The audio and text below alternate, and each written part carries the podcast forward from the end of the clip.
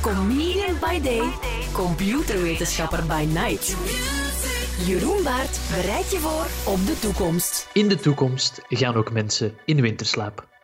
Klinkt raar en klinkt ook verleidelijk nu in deze pandemische tijden. Hè? Ja, ik, ik, het is daar dat ik, daarom dat ik er een beetje aan moest denken. Met deze, deze rare tijden van zo gewoon goed slapen doen tot het allemaal over is. Hè? Totdat we terug, Tot ik terug DJ mag zijn. Hè? ja, totdat je terug DJ kunt zijn, totdat we terug naar de voetbal kunnen, alles erop en Ja. aan. Dus ik heb eens, want ik wist dat er al langer een idee van was, winterslaap. En ik ga beginnen met mijn beste Rick Torfs impressie. Wat is dat eigenlijk, winterslaap? Dat, dat antwoordt hij op elke vraag. Je moet maar eens, als je die een vraag stelt, dan zegt hij altijd van, ja, wat is dat eigenlijk? Onderwerp van de vraag. Super grappig. Los daarvan. Wat is winterslaap? Eh, ik baseer mij op het onderzoek van Kelly Drew aan de Universiteit van Alaska Arctic Biology. En die heeft eens onderzocht eigenlijk wat dat een winterslaap is. Eh, hibernatie, dat is eigenlijk het veranderen van je lichaamstemperatuur, zodat je eh, minder calorieën moet verbranden om je lichaamstemperatuur op peil te houden. En daarom heb je dus minder voedsel nodig. Dat is waarom dat veel dieren in winterslaap gaan. Het is winter, Ja. het is moeilijker om te jagen, er is minder voedsel beschikbaar.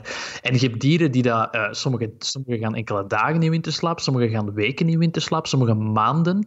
En wat ze bij die dieren zien, is dat die soms tot 99% van hun calorieverbranding kunnen terugdringen.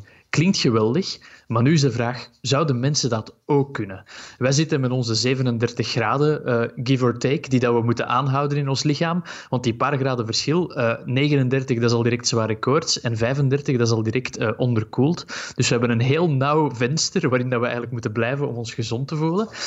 Maar de wetenschap en de laatste onderzoeken die ik lees, zijn eigenlijk langzaamaan tot de conclusie aan het komen. Wij mankeren eigenlijk niet echt een orgaan of een systeem om winterslaap onmogelijk te maken. Er is, er, is, er, is, er is niks dat ons eigenlijk fysiek tegenhoudt. Evolutionair gezien zouden we het moeten kunnen.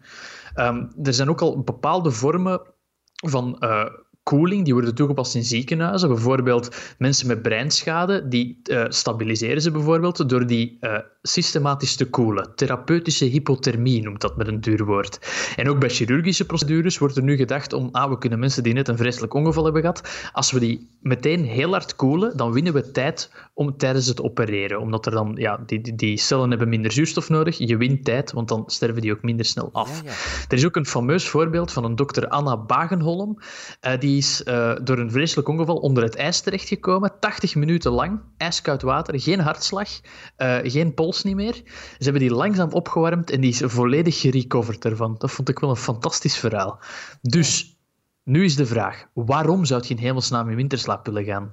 Ehm, om te wachten tot er een bepaald geneesmiddel uitgevonden wordt of zo? Je bent het weer naar het zeewoord aan het draaien. Nee. Nee, ja, het is toch waar? Het Het zou kunnen. Het kan, ja, dat kan natuurlijk ook. Ja, of dat je, eh, eh, waar dat we eigenlijk naartoe willen is, stel dat we ooit naar Mars willen reizen, het probleem nog altijd met naar Mars te reizen is, dat is verdomd lang onderweg zijn. Ah. Dat is, eh, dat is een klein halfjaartje en dan moet je raket snel gaan in een, in, een, in, een, in een raket. Dus wat dat we eigenlijk kunnen doen is, wat als we op weg naar Mars ons metabolisme zouden kunnen vertragen en eigenlijk gewoon een dik slapen doen, wakker worden en daar zijn. Heel cool. Doe mij zo'n beetje denken aan die film Interstellar. Dat wordt dus misschien eh, Ja, realiteit ja, dat- binnenkort. In heel veel science fiction wordt het inderdaad, eh, wordt het inderdaad al gebruikt. Dus ik vind het een fascinerend onderzoek. Er, er is veel, eh, dus, dus zowel voor therapeutisch vlak als voor we gaan naar de ruimte, of gewoon voor ehm, ja, recuperatie. Maar eh, we zijn er dus nog lang niet. Maar ik ben er wel van overtuigd, als ik de wetenschap bekijk en het, het onderzoek van Kelly Drew, dat in de toekomst we allemaal op een of andere manier in winterslaap gaan. Dankjewel, Jeroen Waard. Graag gedaan. Luister elke werkdag tussen 4 en 7 naar Maarten en Dorothee. Volgende dinsdag bereidt Jeroen Baert je opnieuw voor op de toekomst. Q sounds better. Better with you.